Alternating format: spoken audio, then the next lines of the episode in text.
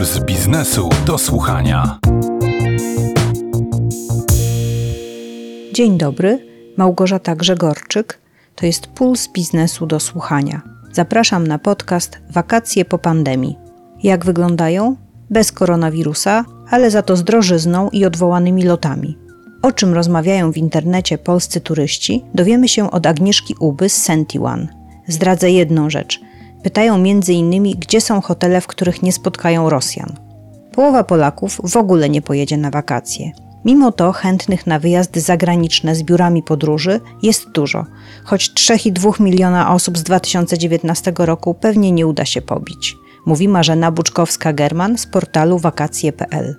Choć średnia cena wyjazdu jest o 800 zł wyższa niż rok temu, to marże turoperatorów spadną, przewiduje Piotr Henicz, wiceprezes Itaki.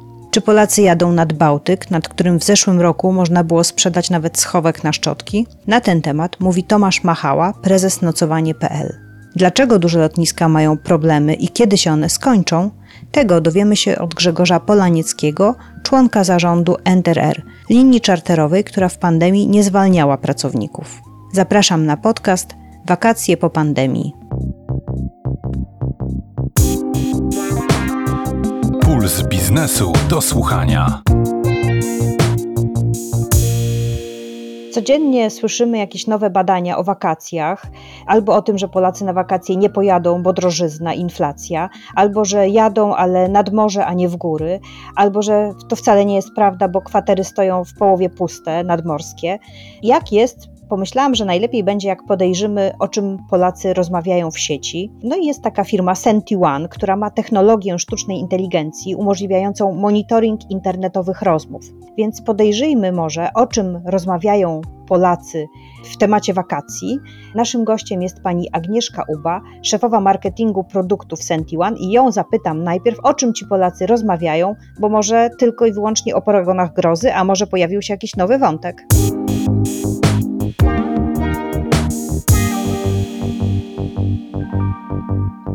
Tak, ma Pani rację. Faktycznie analiza opinii internautów bardzo się przydaje, żeby zobaczyć, jakby sprawdzić taki puls e, społeczeństwa, dokładnie się dowiedzieć, o czym ludzie dyskutują, co ich martwi, co ich boli albo co ich cieszy. Monitoring internetu pozwala nam też wyjść poza naszą własną bańkę, czyli właśnie poza to, co nam się pokazuje na naszych feedach w social media e, i dokładnie widzimy, że to powiem, szerszy obraz społeczeństwa. I od początku tego roku e, na naszych radarach sentiłanowych żeśmy zauważyli od stycznia do lipca tego roku, że jest wiele e, wątków takich samych jak co roku, czyli co roku internauci faktycznie dyskutują o pogodzie. Tu mieliśmy ponad 8 tysięcy wzmianek a propos tego, że jednak lepsza i pewniejsza pogoda jest za granicą niż niepewne polskie morze. Do tego w tym roku nam jeszcze doszła cena wakacji, czyli to było de facto aż 12 tysięcy razy internauci dyskutowali o samej cenie wakacji. Tutaj też w kontekście rosnących cen paliwa, ale i cen zakwaterowania, cen jedzenia i tutaj faktycznie powrócił temat paragonów grozy, są wręcz tutaj wyliczane na przykład oscypki w Zakopanem za 50 zł albo jagodzianki lub gofry nad Bałtykiem jako dobra luksusowe. No i z tego też nam wychodzi tutaj obraz idealnych wakacji, no bo idealne wakacje to jest tam, gdzie jest dobry stosunek ceny do pogody. I tu taki wniosek, że internauci jednak zalecają i deklarują, że raczej spędzą wakacje za granicą, ale w jakichś tańszych destynacjach, na przykład Albania albo na Cyprze i to też właśnie raczej tutaj z biurem podróży. Spytała Pani jeszcze o jakieś nowe wątki i tu faktycznie mamy nowości de facto smutne, bo po raz pierwszy, odkąd analizujemy opinię internautów, wyszły nam takie wątki w tym roku jak wakacje bez Rosjan. Polacy dopytują się dokładnie, gdzie, do których krajów lub też hoteli nie są wpuszczani turyści z Rosji. Tutaj też pada bardzo dużo negatywnego sentymentu, nie będę tego przytaczać, natomiast no, takie, takie są fakty, w ten sposób ludzie się wypowiadają w internecie. Mamy też wątek wakacji z COVID-em. To już powiedzmy się powtarza od trzech lat, natomiast tutaj sentyment troszeczkę zelżał, ponieważ już nie jesteśmy przerażeni mm, samym COVID-em, ale na przykład pojawiły się takie zapytania, gdzie mogę zostawić dziecko z COVID-em, bo ja jestem zdrowa i chcę pojechać na urlop. To pierwszy raz w tym roku takie pytanie? Tak, tak. Okej, okay, oswoiliśmy się z COVID-em, zostawiamy dzieci. Szukamy miejsca, gdzie możemy dziecko, my jesteśmy zdrowi, fajnie, chcemy sobie wyjechać na wakacje. Rok temu to było dużo strachu, było mnóstwo pytań o paszporty, certyfikaty i tak dalej. W tym roku no już jakby jak są dużo mniejsze restrykcje, no to już omijamy to jakoś w inny sposób. A nie zauważyli Państwo może, że właśnie te covidowe sprawy w ostatnich dniach znowu przybrały na sile, bo przyznam się, że zaczynam obserwować że ludzie w komunikacji miejskiej, niektórzy zaczynają znowu zakładać maski, tak? Słyszeliśmy, że te zachorowania rosną i że czeka nas kolejna fala, więc zastanawiam się, czy to już widać? To widać, ale jeśli już to dopytujemy, gdzie nie trzeba nosić masek, czy mogę jeszcze do Hiszpanii bez maski, bez testu i bez paszportu covidowego. Przez te trzy lata pandemii to już ci ludzie, którzy się zaszczepili, mają wszystkie certyfikaty i są przyzwyczajeni do testów, to już raczej nie wypowiadają się o tym w internecie. Więc naturalnie będę miała więcej takich negatywnych wypowiedzi albo właśnie jakby powiedzmy negatywnie nastawionych na temat wakacji z covidem. Wspominała Pani o tym, że zdecydowanie Polacy wolą pojechać z biurem podróży w jakieś miejsce, gdzie jest pewna pogoda, gdzieś za granicę i gdzie jest stosunkowo tanio. A czy jest jakieś biuro podróży, które ma szczególnie dobre opinie wśród internautów? Tak, zgadza się. Tutaj też żeśmy w naszej analizie porównali sobie kilka wiodących biur podróży w Polsce i najlepszymi opiniami, bo tutaj właśnie de facto porównujemy sentyment, jakby ilość wypowiedzi pozytywnych kontrastujemy do ilości wypowiedzi negatywnych i de facto tutaj na czele nam się stawia Coral Travel i to jest ciekawe, bo tutaj de facto przede wszystkim internaci i konsumenci chwalą sobie to, jak Coral Travel wyszło z powrotem do ludzi, czyli jak właśnie po pandemii otwierają swoje biura, w swoich lokalach Coral Travel organizuje różne eventy, pogadanki, wychodzi do klientów, i tam też właśnie konsumenci e, bardzo chwalą sobie wzorową obsługę klienta, bardzo fajną ofertę cenową i takie prokonsumenckie podejście do klienta.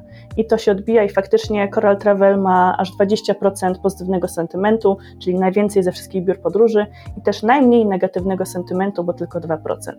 Inne biura podróży już e, nie mają aż tak wysoko pozytywnego sentymentu, tu jeszcze wysoko jest Itaka, na drugim miejscu 16% pozytywnego, a na przykład tutaj mogę dopowiedzieć, że najmniej powiedzmy powiedzmy chwaloną agencją ostatnio jest Rainbow Tours. Natomiast gdy analizujemy sobie wypowiedzi internautów, to trzeba spojrzeć na wszystkie czynniki, które mogą wpłynąć na tę opinię, bo o ile w przypadku Coral Travel to było na zasadzie, że bardzo chwalą usługę klienta, o tyle w przypadku Rainbow Tours to po prostu pojawiło się bardzo dużo negatywnych artykułów a propos Rainbow Tours, ponieważ tam wystąpił jakiś problem, jeśli chodzi o powrót turystów z zagranicy, jakieś anulowane loty i tutaj tego się pojawiło bardzo dużo publikacji i to od razu bardzo wpływa na właśnie negatywny sentyment. Coral Travel to jest biuro, które w zeszłym roku weszło do pierwszej trójki największych turoperatorów w Polsce, ale jeżeli nadal tak walczą o klienta, to podejrzewam, że mogą po prostu spróbować zawalczyć o drugą pozycję. Rainbow jest w tej trójce, chociaż właśnie w zeszłym roku został zastąpiony przez Coral Travel pod względem liczby obsłużonych klientów. A sprawdzacie też Państwo może zasięgi, o jakim biurze się pisze najwięcej, jakie biuro budzi najwięcej komentarzy? No tutaj mamy jednego lidera, i Polska generuje najwięcej zasięgów ze wszystkich biur podróży. Jest to aż 52% dyskusji o wszystkich biurach podróży w tym roku. No i tutaj dominacja jest też przede wszystkim na Facebooku. Następnie mamy właśnie Rainbow Tours i tutaj z kolei dużo jest wypowiedzi na Instagramie a na trzecim miejscu jest właśnie Itaka. A z czego to może wynikać? Z inwestycji w takie inne kanały, w social media? Prawdę mówiąc, jeśli chodzi o ilość kanałów, to wszystkie biura są dość, e, powiedziałabym, już na te czasy e, tradycyjne i standardowe, czyli jest to faktycznie Facebook, Instagram, blogi, fora internetowe. Jeszcze żadne biuro podróży nie zdecydowało się na TikToka, to tutaj podpowiem, jeśli ktoś nas słucha, to faktycznie TikTok generuje aktualnie najwięcej zasięgów. Natomiast sukces TUI, tutaj e, żeśmy sobie przeanalizowali, jest to przede wszystkim faktycznie faktyczne skupienie się na odbiorcy na ich kanałach komunikacji.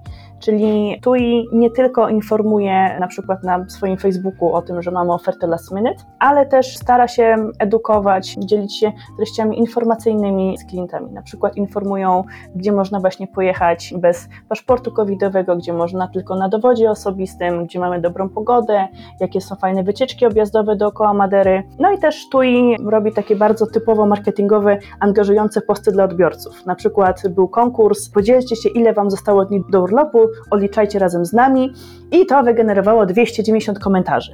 Więc takie typowo właśnie kierowane dla odbiorców, no i to działa. Jak to się robi regularnie, systematycznie, tydzień w tydzień, kilka razy w tygodniu, to naprawdę można wygenerować sobie ciekawe zasięgi.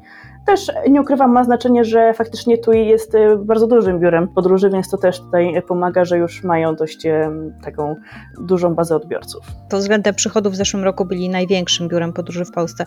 Z tych wszystkich informacji, dyskusji w internecie, najfajniej byłoby w w tym roku pojechać dokąd? Ja będę za Polską, bo ja uważam tutaj jeszcze jednak patriotycznie, choćby nam było ekonomicznie źle, nie fajnie, to jednak trzeba, trzeba wspierać naszych. Nie było łatwo przez ostatnie trzy lata i ja rozumiem, że te jagodzianki teraz będą droższe, więc ja jednak e, spędzam w Polsce, u nas. To miłego wypoczynku. Trzymam kciuki, żeby Pani miała pogodę. Dziękuję za rozmowę. Naszym gościem była Pani Agnieszka Uba, szefowa marketingu produktów Senti One. Dziękuję serdecznie.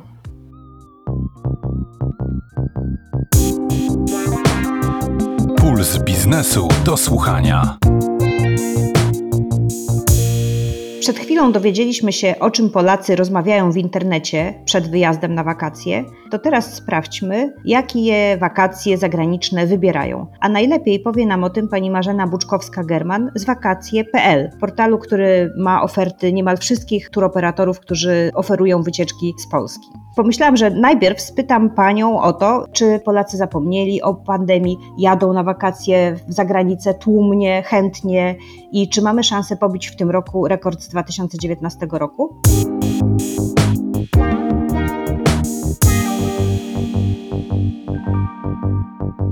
Tak, zapomnieliśmy mm, właśnie w takim ujęciu rynkowym o pandemii, chętnie wyjeżdżamy.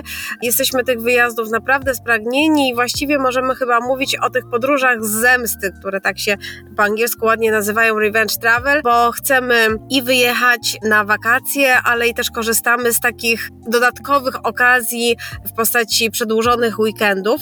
Co prawda, my już wcześniej z tych weekendów przedłużonych korzystaliśmy, bo przecież wyjazdy majówkowe nie są żadną nowością ani żadnym trendem, który narodził się w czasie pandemii, ale odnosimy wrażenie, że takie wyjazdy na niestandardową liczbę dni zaczęły się cieszyć większym powodzeniem, bo właśnie w czasie pandemii było tak, że nagle się coś luzowało, więc nagle mogliśmy gdzieś wyjechać, decydowaliśmy się na te wyjazdy.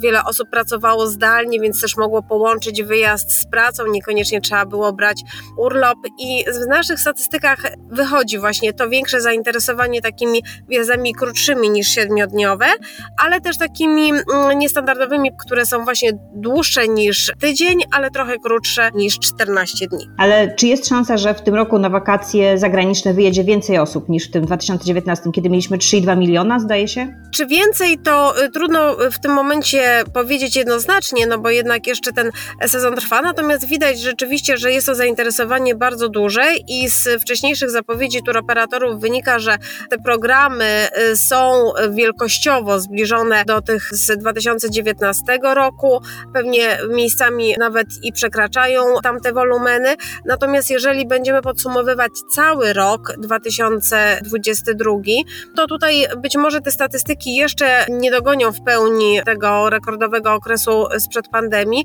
dlatego że no, musimy wziąć pod uwagę też początek roku, który jednak był jeszcze naznaczony tymi ograniczeniami pandemicznymi, ale myślę, że bilans będzie zbliżony do 2019 roku, natomiast trudno powiedzieć jednoznacznie, czy przekroczymy te wolumeny, czy one będą po prostu zbliżone. A które kierunki są teraz najpopularniejsze na wakacje? Teraz lipiec, sierpień, wrzesień? To tak tradycyjnie, właściwie basen Morza Śródziemnego, czyli w tym sensie też możemy powiedzieć o powrocie do normalności. Turcja z Grecją walczą tydzień w tydzień o palmę pierwszeństwa.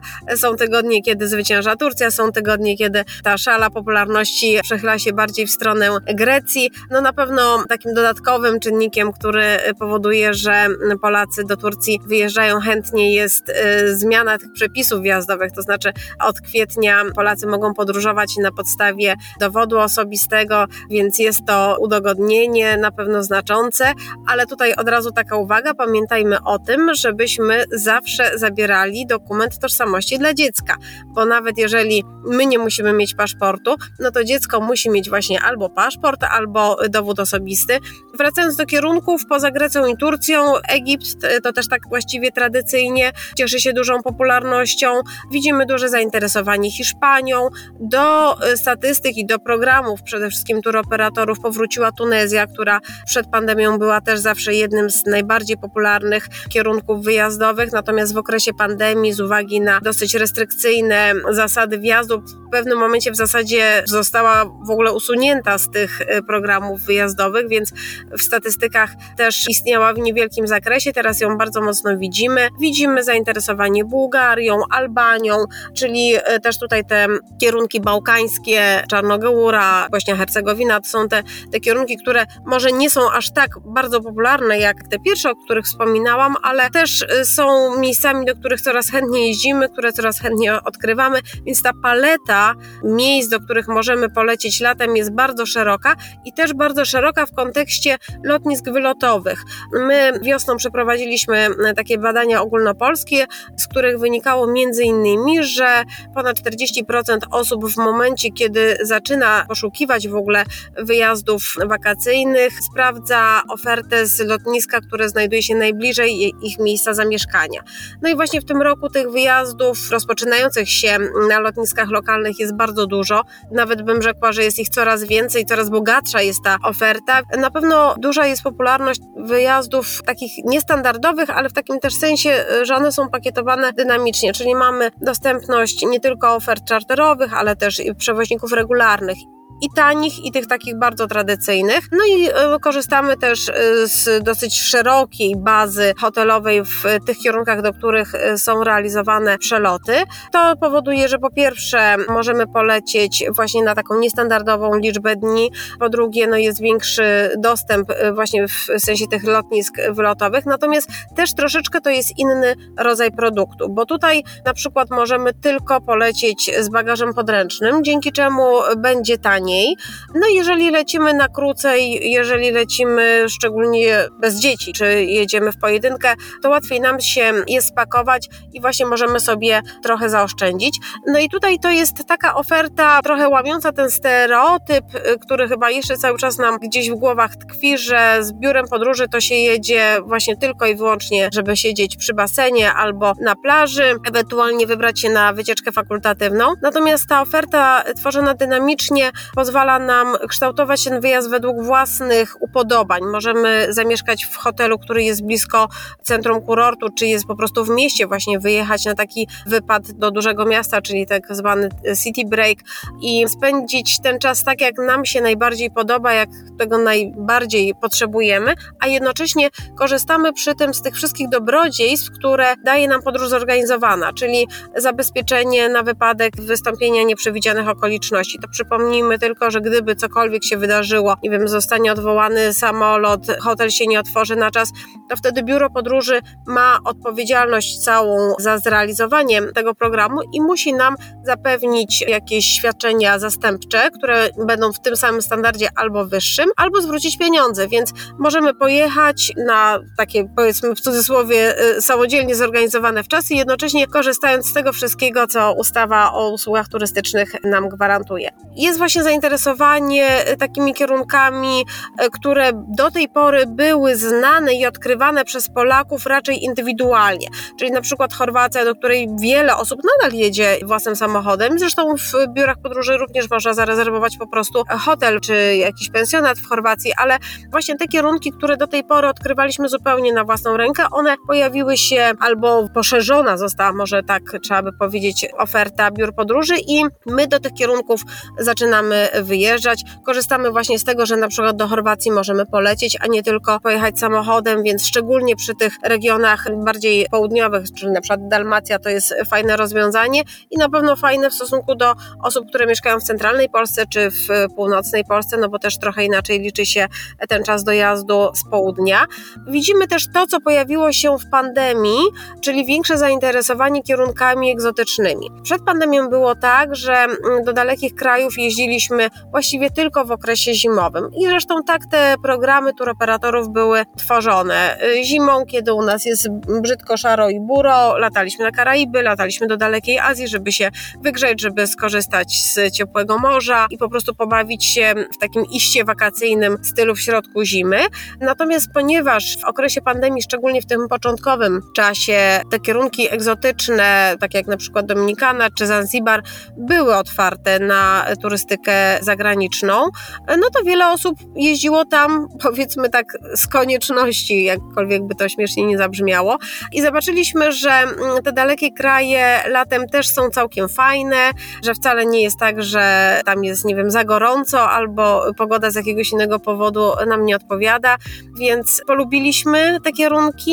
Oczywiście, jeżeli teraz spojrzymy tak na statystyki, no to wiadomo, że ta Turcja, Grecja czy Egipt będą nadal budziły większe zainteresowanie niż Karaiby na przykład, ale te kierunki są w ofercie, latamy tam i w ogóle coraz chętniej też latamy do tych dalekich krajów. A jak jest last minute i first minute? Jeśli chodzi o last minute i first minute, to oczywiście w okresie pandemii raczej rezerwowaliśmy w ostatniej chwili, no bo po prostu towarzyszyła nam duża niepewność. Natomiast w tej chwili po raz kolejny przekonujemy się, że oferty kupowane z większym wyprzedzeniem, są tańsze i są atrakcyjniejsze, no bo po prostu mamy więcej tych ofert do wyboru. I w tym roku już widzimy po statystykach sprzedażowych, że rzeczywiście Polacy byli bardziej skłonni do tego, żeby kupować z większym wyprzedzeniem, nawet ponad 90 dni przed y, rozpoczęciem wyjazdu. I chyba coraz więcej osób przekonuje się, że to nie są tylko takie reklamowe slogany, kiedy turoperatorzy czy agenci mówią, że oferty last minute nie są już tak tanie, jak były kiedyś kiedyś i że jeżeli ktoś czeka na lasta tylko dlatego, że chce zaoszczędzić, no to niestety się rozczaruje. Oczywiście są różne sytuacje w życiu, nie zawsze możemy zaplanować z dużym wyprzedzeniem i zawsze w ostatniej chwili jakieś oferty znajdziemy i znajdziemy oferty tańsze i droższe.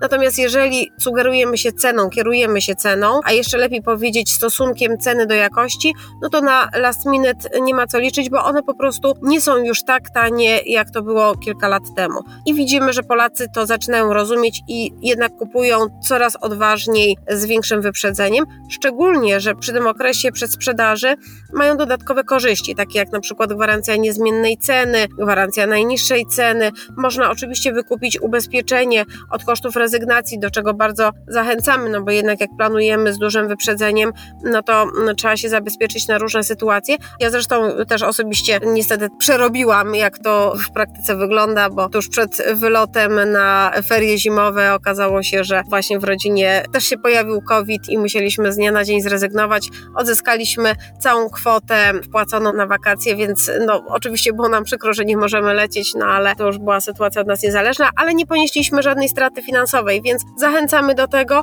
szczególnie, że to nie są wysokie koszty, no w zależności oczywiście od ceny wyjazdu, one są obliczane, ale to jest z rzędu y, tam wydatek kilkudziesięciu czy kilkuset złotych na całą rezerwację. Bardzo dziękuję za opis rynku, za praktyczne porady, jak wyjechać na wakacje. Naszym gościem była pani Marzena Buczkowska-German z portalu wakacje.pl. Dziękuję bardzo. Puls biznesu do słuchania. Marzena German z portalu wakacje.pl powiedziała, że zagraniczne wycieczki sprzedają się świetnie, ale czy będzie lepiej niż w 2019 roku? Nie wie. Sprawdźmy, co na ten temat powie Piotr Henicz, wiceprezes Itaki, która w ubiegłym roku miała prawie pół miliona klientów z Polski, 1,6 miliarda złotych przychodów i 110 milionów złotych zysku netto. Czy to jest dobry rok?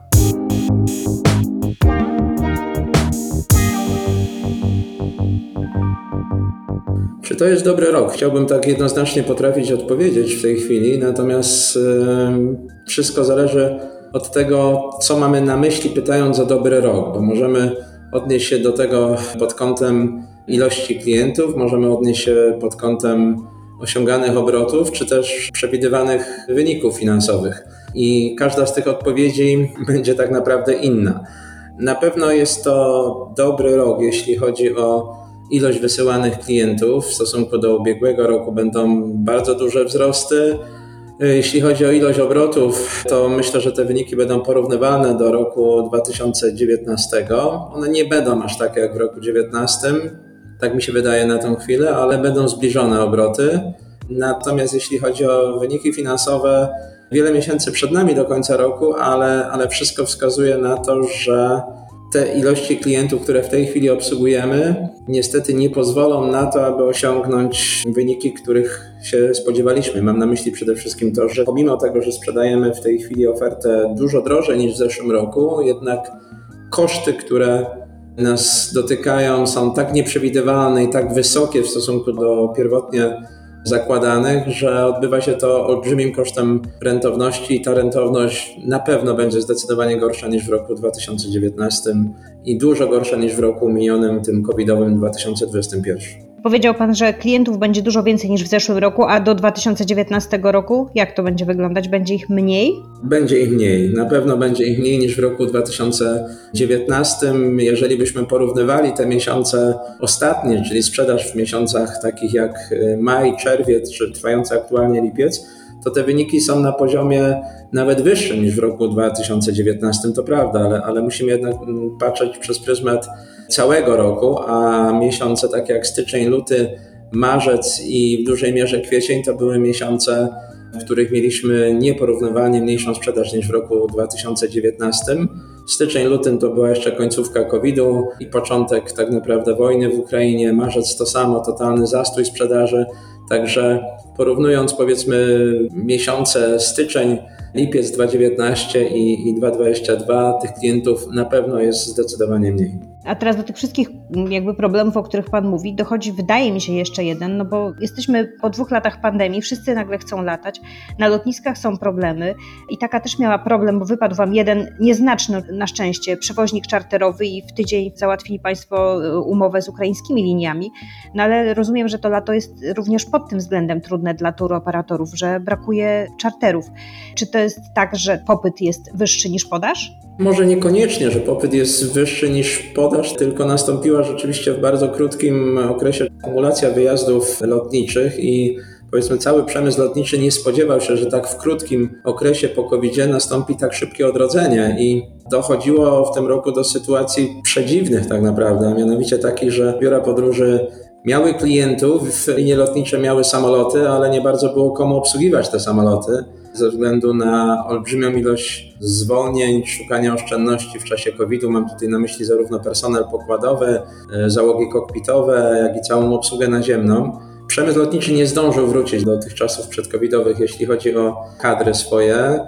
W związku z tym znacznie mniej ludzi, znacznie więcej pracy, mając na uwadze specyfikę tej pracy, czyli olbrzymią odpowiedzialność, kwestie bezpieczeństwa, coraz częściej pojawiające się strajki w różnych miejscach, w różnych portach lotniczych i to wszystko spowodowało, że tak naprawdę te podróże lotnicze w tym roku są e, no, dużo bardziej uciążliwe niż to miało miejsce w poprzednich latach. Uciążliwe mam na myśli to, że trzeba często się liczyć z opóźnieniami, że trzeba czekać znacznie dłużej na odbiory bagażów, że są zmiany rozkładów. To wszystko niestety dotyczy klientów również biur podróży, przede wszystkim pasażerów linii lotniczych, ale, ale również klientów biur podróży, którzy latają wyczarterowanymi samolotami. No i tak się to dziwnie w tej chwili składa, że tak naprawdę podróż poza tym pierwszym tygodniem, o którym Pani wspomniała, rozpoczęcia sezonu samolotem czarterowym jest tak naprawdę bardziej bezpieczna niż samolotami rejsowymi czy rozkładowymi, ponieważ linie lotnicze, i to te największe linie lotnicze na świecie i w Europie, bardzo często odwołują połączenia, w ogóle odwołują, klienci dowiadują się na lotniskach albo dzień przed,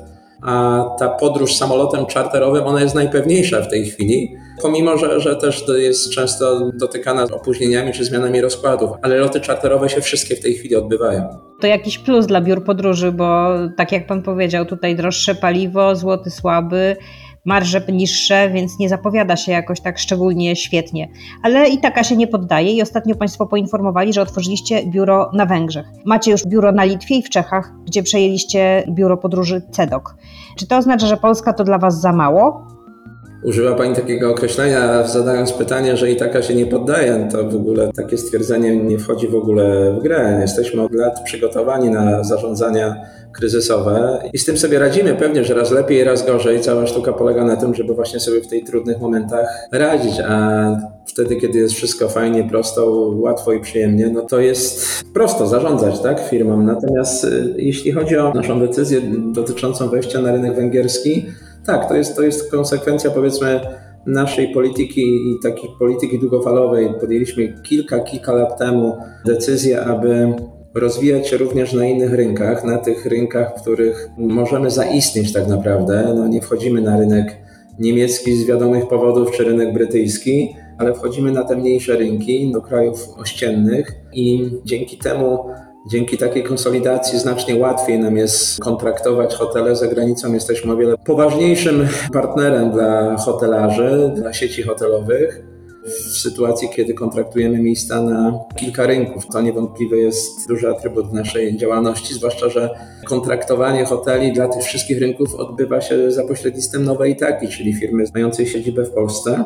To jeśli chodzi o działalność turoperatorską, Natomiast musimy też pamiętać, że Itaka od wielu lat prowadzi swoje firmy incomingowe w Turcji, w Hiszpanii, w Grecji, gdzie obsługujemy klientów, zarówno klientów Itaki, ale też klientów innych turoperatorów skandynawskich, brytyjskich i z jednej strony pozwala nam to na utrzymanie jakości w obsłudze polskich turystów, natomiast z drugiej no, stajemy się marką powiedzmy rozpoznawalną dla klientów z innych krajów. To jest też taki element, powiedzmy, budowania naszej marki, budowania wizerunku.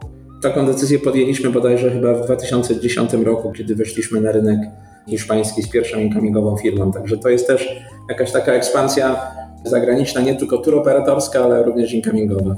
W Polsce i taka jest y, w czołówce, zawsze w pierwszej trójce. A jak jest y, na Litwie i w Czechach?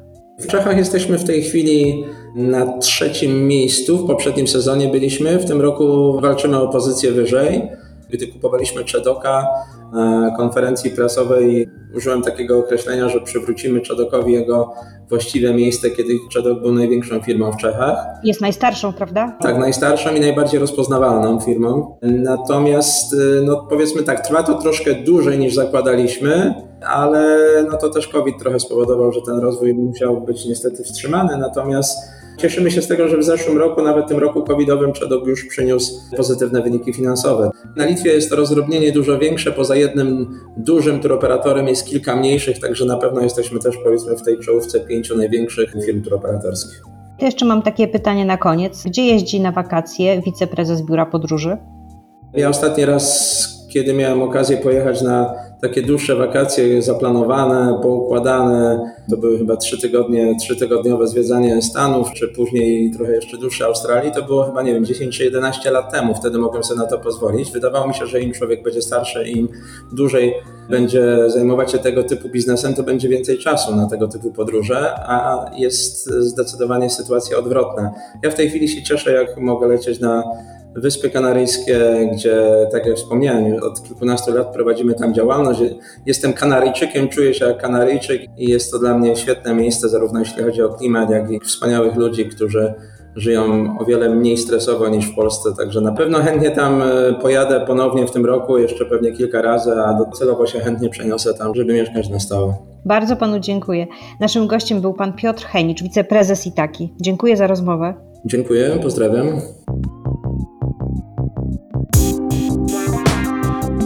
Puls biznesu do słuchania. Itaka miała niedawno problem, bo wypadł jej jeden operator czarterowy. Spółka w tydzień podpisała umowę z innym, a wiceprezes Itaki zaznaczał, że problemy z lotami mają dziś wszystkie biura podróży. Loty kasuje Lufthansa. Iceland Air wysłał na lotnisko w Amsterdamie swoich pracowników, żeby rozładowali bagaże. Co się dzieje?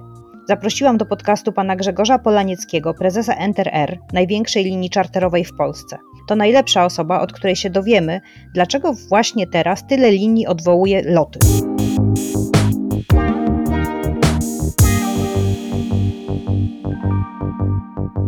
Przyczyn tej sytuacji jest e, wiele. Przede wszystkim część operatorów, którzy operują na lotniskach, właścicieli lotnisk i, i różnych serwisów lotniskowych, prawdopodobnie nie spodziewało się tego, że rynek wróci do normalności tak szybko.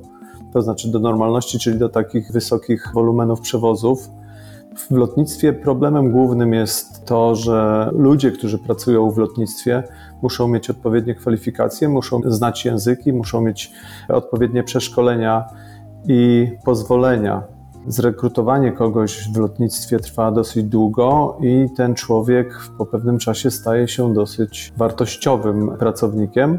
A niestety pandemia spowodowała takie zawirowanie na rynku, że wiele firm pozbyło się swoich pracowników, no chcąc po prostu zwyczajnie przeżyć, oszczędzać na kosztach. I to tak w tej chwili uderzyło jakby całą branżę, ten brak ludzi, że przepustowość lotnisk, przepustowość różnych serwisów jest na zbyt niskim poziomie i po prostu nie ma innego wyjścia, jak tylko docinać siatkę połączeń i, i te rejsy kasować. Ale czy to oznacza, że branża lotnicza miała złe prognozy, a jata źle prognozowała ten wzrost ruchu po pandemii? Oczywiście. Ja bym rzeczywiście wskazywał jako jedną z przyczyn e, prognozowanie przez różne instytucje, takie właśnie jak pani wymieniła, plus, nie wiem, Eurokontrola i tak dalej. Wszyscy twierdzili, że ruch będzie wracał bardzo, bardzo powoli do normalności i dopiero za 4 lata powoli zacznie się odbudowywać.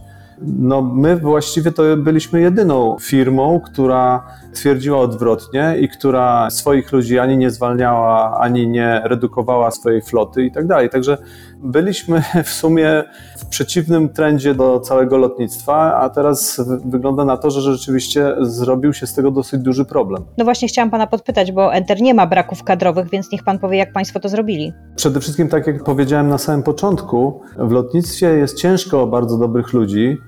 I ponieważ my e, bardzo cenimy i ceniliśmy swoich pracowników, szukaliśmy rozwiązań takich, żeby jednak nie trzeba było ich zwalniać.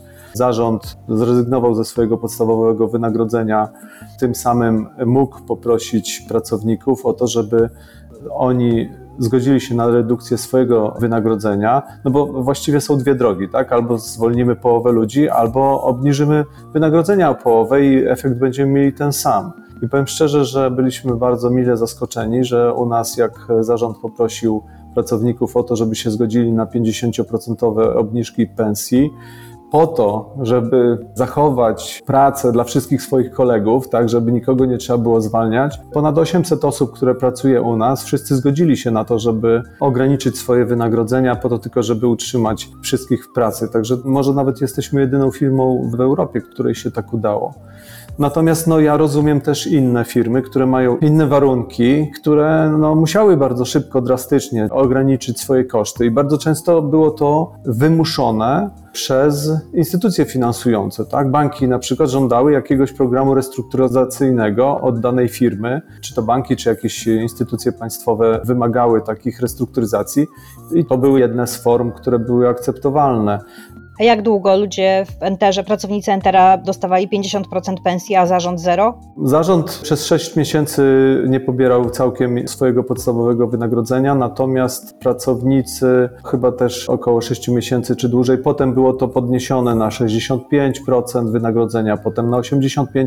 Wszystko było uzależnione od tego, jak odbudowywaliśmy swój wolumen operacji. No i to było według mnie bardzo fair podejście z obu stron, tak? Ale rzeczywiście jesteśmy wdzięczni pracownikom, że oni w ten sposób do sprawy logicznie i rozsądnie podeszli. Ale wróciliście Państwo do pensji sprzed pandemii? Tak, oczywiście. Nie tylko wróciliśmy do tamtych pensji, ale jeszcze daliśmy podwyżki, no bo my, my zarządzamy spółką w ten sposób, że jakby dzielimy się wszystkim, co nam się udaje osiągnąć dobrego, więc to nie jest tak, że próbujemy kogoś tutaj wycisnąć, tylko tyle, ile mamy, tym się dzielimy. Enter nie ma problemów kadrowych, ale przecież lotniska, na które latacie, pewnie mają, więc się zastanawiam, czy te kłopoty, które dotykają wszystkie linie, całą branżę lotniczą, mają też wpływ na Enterer? Problemów jest dużo, z tym, że my trochę tak e, przewidywaliśmy, że taka sytuacja może się zdarzyć bo widzieliśmy, jaki jest potencjalny popyt, jak ludzie spragnieni tego powrotu do latania. Zresztą nie, nie, chodzi tylko o to, że ludziom się chciało latać, ale wiele biznesów, wiele firm zawiesiło odwiedziny u swoich kontrahentów na pewien okres, więc my jakby stawialiśmy na to, że raczej ten rynek odbuduje się dosyć dynamicznie. On jeszcze nie wrócił w wielu miejscach do 100% roku 2019, ale jakby wiedzieliśmy, że on się odbuduje bardziej dynamicznie niż to było przewidywane. I zwęszyliśmy, że potencjalnie będą e, z tym problemy. Dlatego też nawet jeszcze chyba w marcu zaczęliśmy układać swoje odloty w taki sposób, żeby nie pchać się tam, gdzie są spiętrzenia, żeby nasze akurat godziny odlotów były poza tym spiętrzeniem. No bo jeśli jakiś port ma problemy z obsadą, to głównie będzie miał problemy właśnie w tym spiętrzeniu wszystkich odlotów. Jak są porty hubowe, w których mamy spiętrzenie przylotów i odlotów, no bo każdy człowiek, który przelatuje przez hub, chce w nim spędzić maksimum tam, nie wiem, 40 minut, czyli od przylotu do odlotu musi być niewielka odległość czasowa, w związku z tym robią się takie fale przylotowo-odlotowe, to my staraliśmy się omijać te fale, dlatego też dzisiaj nie mamy aż takiego dużego problemu.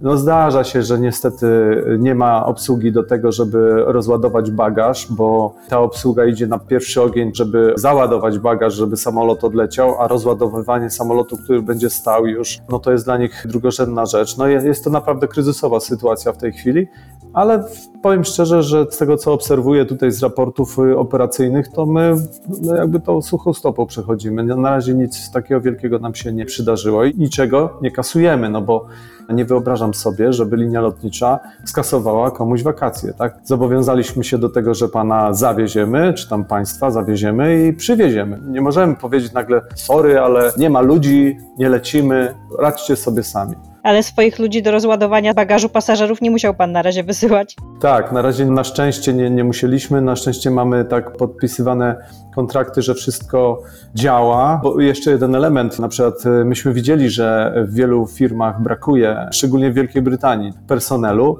to też wybieraliśmy tych agentów handlingowych, tych agentów naziemnych, którzy na przykład dopiero zaczynali działalność i mieli ludzi świeżo po naborach i tak dalej. Także no nie musieliśmy jeszcze aż tak drastycznych środków podejmować. Na razie wszystko idzie ok, nie jest źle. A ile Pana zdaniem zajmie czasu branży lotniczej, żeby się odbudować i mieć tylu ludzi, ilu potrzeba? To nie będzie zbyt długo według mnie, no bo jest tutaj kilka elementów rzeczywiście problematycznych, ale generalnie myślę, że pół roku to jest wystarczająco do tego, żeby kogoś zrekrutować, przeszkolić, sprawdzić jego przeszłość taką potencjalnie kryminalną, tak, no bo e, każdy pracownik lotnictwa musi mieć czystą kartotekę, musi mieć nieskalaną opinię i tak dalej, więc e, te procedury dosyć długo trwają. One czasami właśnie bardzo opóźniają te procesy rekrutacyjne, jeżeli na przykład ktoś chce zatrudniać obcokrajowców, więc to bardzo ciężko jest wtedy przeprowadzić szybko i sprawnie tą całą procedurę.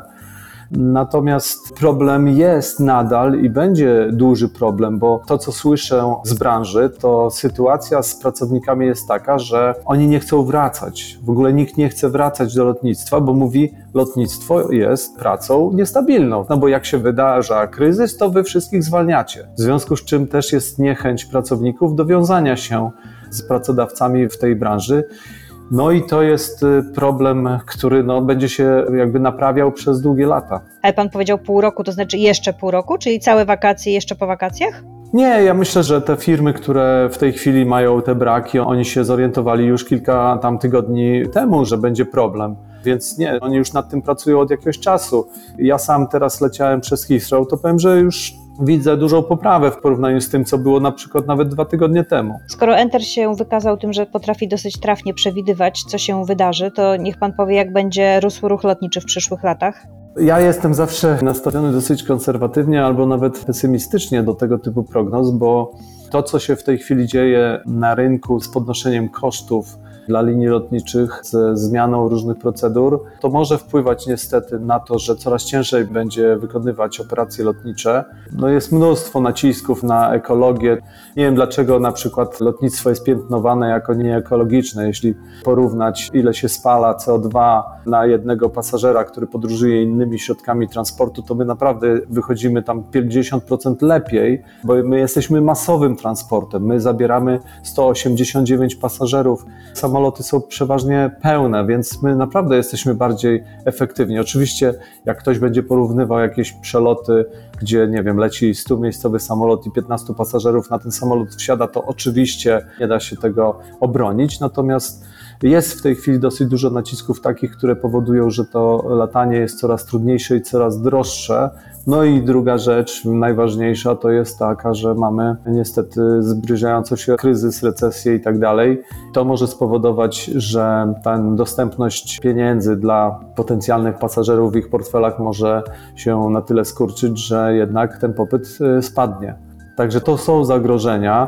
Natomiast My jako NTR na to nie patrzymy wcale tak bardzo negatywnie i pesymistycznie, nawet jak patrzę na polskich przedsiębiorców różnych, bo to, z czym my się borykamy od kilku lat, to jest problem wejścia na bogate rynki zachodnie, a gdy przychodzi kryzys, to okazuje się dla nas szansą, tak? No bo każdy wtedy w kryzysie, tam gdzieś w Niemczech, w Skandynawii, w Wielkiej Brytanii, Francji, nagle zaczyna szukać tańszej alternatywy, tańszej usługi. I my dzięki temu na przykład kiedyś weszliśmy właśnie do Francji i Wielkiej Brytanii, gdy tam było kryzysowo, wtedy nagle okazało się, że my jesteśmy solidnym partnerem za dużo mniejsze pieniądze niż oni mają lokalnie. I tak może być też dla wielu polskich firm, które są gotowe na wyjście na rynki zagraniczne, więc relatywnie dla nas może być całkiem ok, natomiast tak globalnie uważam, że jednak rynek może trochę usiąść. Bardzo panu dziękuję. Naszym gościem był pan Grzegorz Polaniecki, prezes Enterer, największej linii czarterowej w Polsce. Bardzo również dziękuję za rozmowę. Puls biznesu do słuchania. Dotychczas rozmawialiśmy w naszym podcaście dużo o wakacjach za granicą. Czas na Polskę. O tym, jak wyglądają tegoroczne wakacje w kraju, jak się zmieniły ceny, gdzie wypoczywają Polacy, opowie Tomasz Machała, prezes portalu nocowanie.pl. Zacznijmy od tego, czy pandemia w turystyce już się skończyła?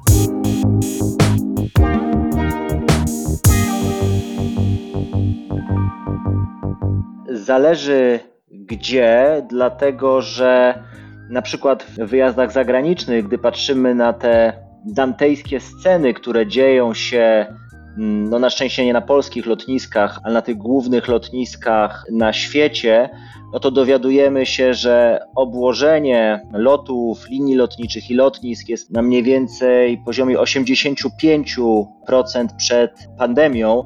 Tam problemem jest to, że liczba obsługi jest na poziomie poniżej 70%. No natomiast 85% biznesu, lotów, ruchu turystycznego oznacza, że pandemia w turystyce jeszcze się nie skończyła.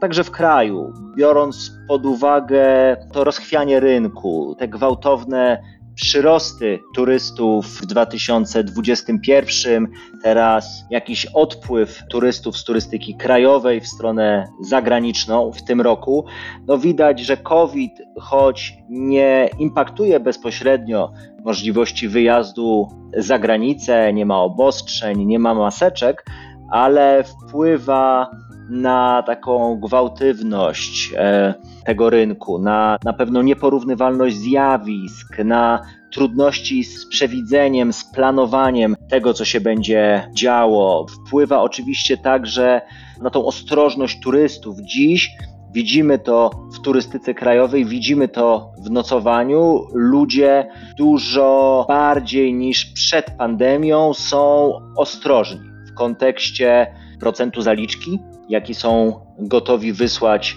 do obiektu, tej polityki anulowania przyjazdu. Chcą mieć dużo bardziej niż wtedy elastyczne zasady, móc jak najbliżej dnia wyjazdu do obiektu móc odwołać, najlepiej bezkosztowo i preferują tego rodzaju obiekty, które taką możliwość dają, więc to wszystko jest wpływem COVID-u, nie takim bezpośrednim, ale niewątpliwie pośrednim na rynek. Czyli rezerwacji na portalu nocowanie.pl jest mniej niż w zeszłym roku, niż w 2019? To dotyczy nie tylko nocowania, to dotyczy całego rynku, wszystkich naszych, według mojego oglądu tego biznesu, konkurentów na tym krajowym rynku. My widzimy, że po niebywałym roku 2021, w którym to zamknięte granice, obawy o wyjazd zagraniczny, no bardzo mocne obawy, że turystyka zagraniczna wiąże się z ryzykiem kwarantanny na miejscu. To wszystko spowodowało lawinę wyjazdów krajowych. No, ten rok się absolutnie w tym roku nie powtarza. Właściciele obiektów powiedzieli mi, gdy byłem nad morzem biznesowo kilka tygodni temu, że w zeszłym roku w Polsce nad morzem był w stanie, mówi mi jeden, wynająć schowek na szczotki i to po dowolnej cenie.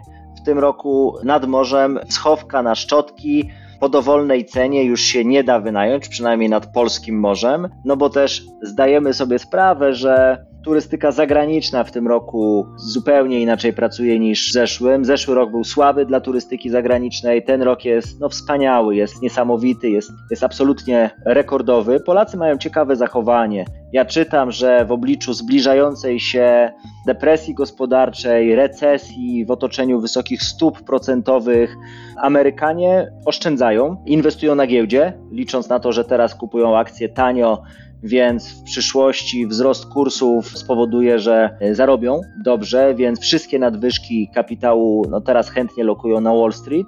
Polacy jakoś inaczej, to znaczy wiedząc, że będziemy mieli mniej pieniędzy, Polacy postanowili więcej wydawać i to w otoczeniu wysokich stóp procentowych i w otoczeniu wysokich kursów walut. No to jest ciekawe zachowanie, takie zastaw się, a postaw się.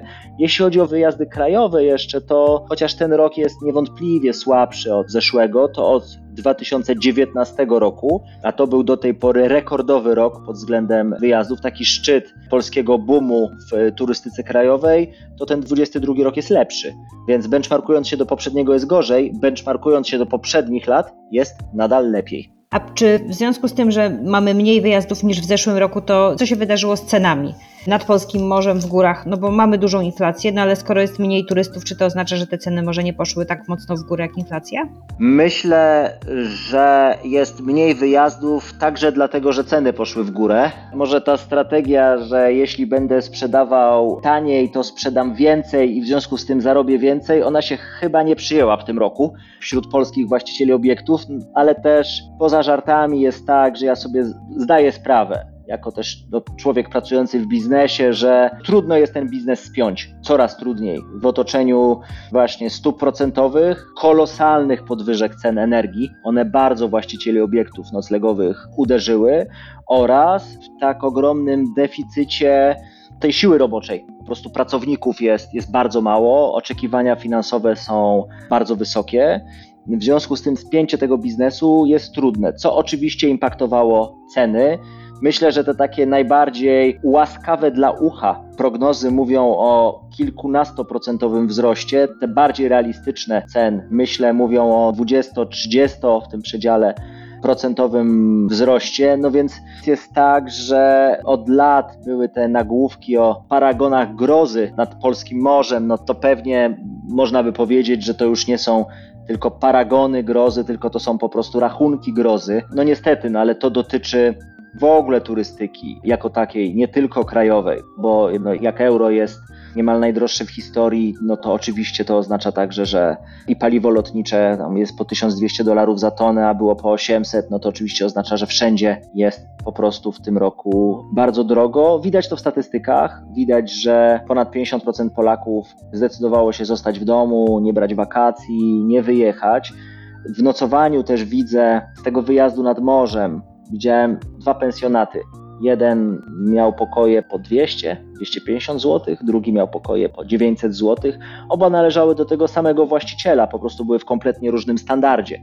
Jeden starszy, gorzej wyposażone pokoje przed remontem, drugi nowszy z basenem itd., tak itd. Tak no i ten starszy był miesiąc przed sezonem pusty, ten nowszy miesiąc przed sezonem, trzykrotnie, czterokrotnie droższy, był pełny i był obłożony na lato no to mi też pokazuje, że jednak ta większość społeczeństwa w Polsce, która nadal jest mniej zamożna, Polska no, nadal goni Europę pod względem zarobków. No, ona zbiedniała szybciej. Ta polska klasa średnia, wyższa klasa średnia ona jeszcze, jeszcze ma pieniądze, czy to na pobyt zagraniczny, czy polski, no ale to jest po prostu mniej ludzi, w związku z tym po prostu mniej rezerwacji w tym roku w kraju. A gdzie się w Polsce jeździ na wakacje? Jak Państwo w portalu macie takie statystyki, to ile procent stanowi wyjazd nad Bałtyk, a ile reszta kraju? Latem w ogóle Polska ma nie 16 województw, tylko jedno województwo i bym powiedział, że to jest nadmorze.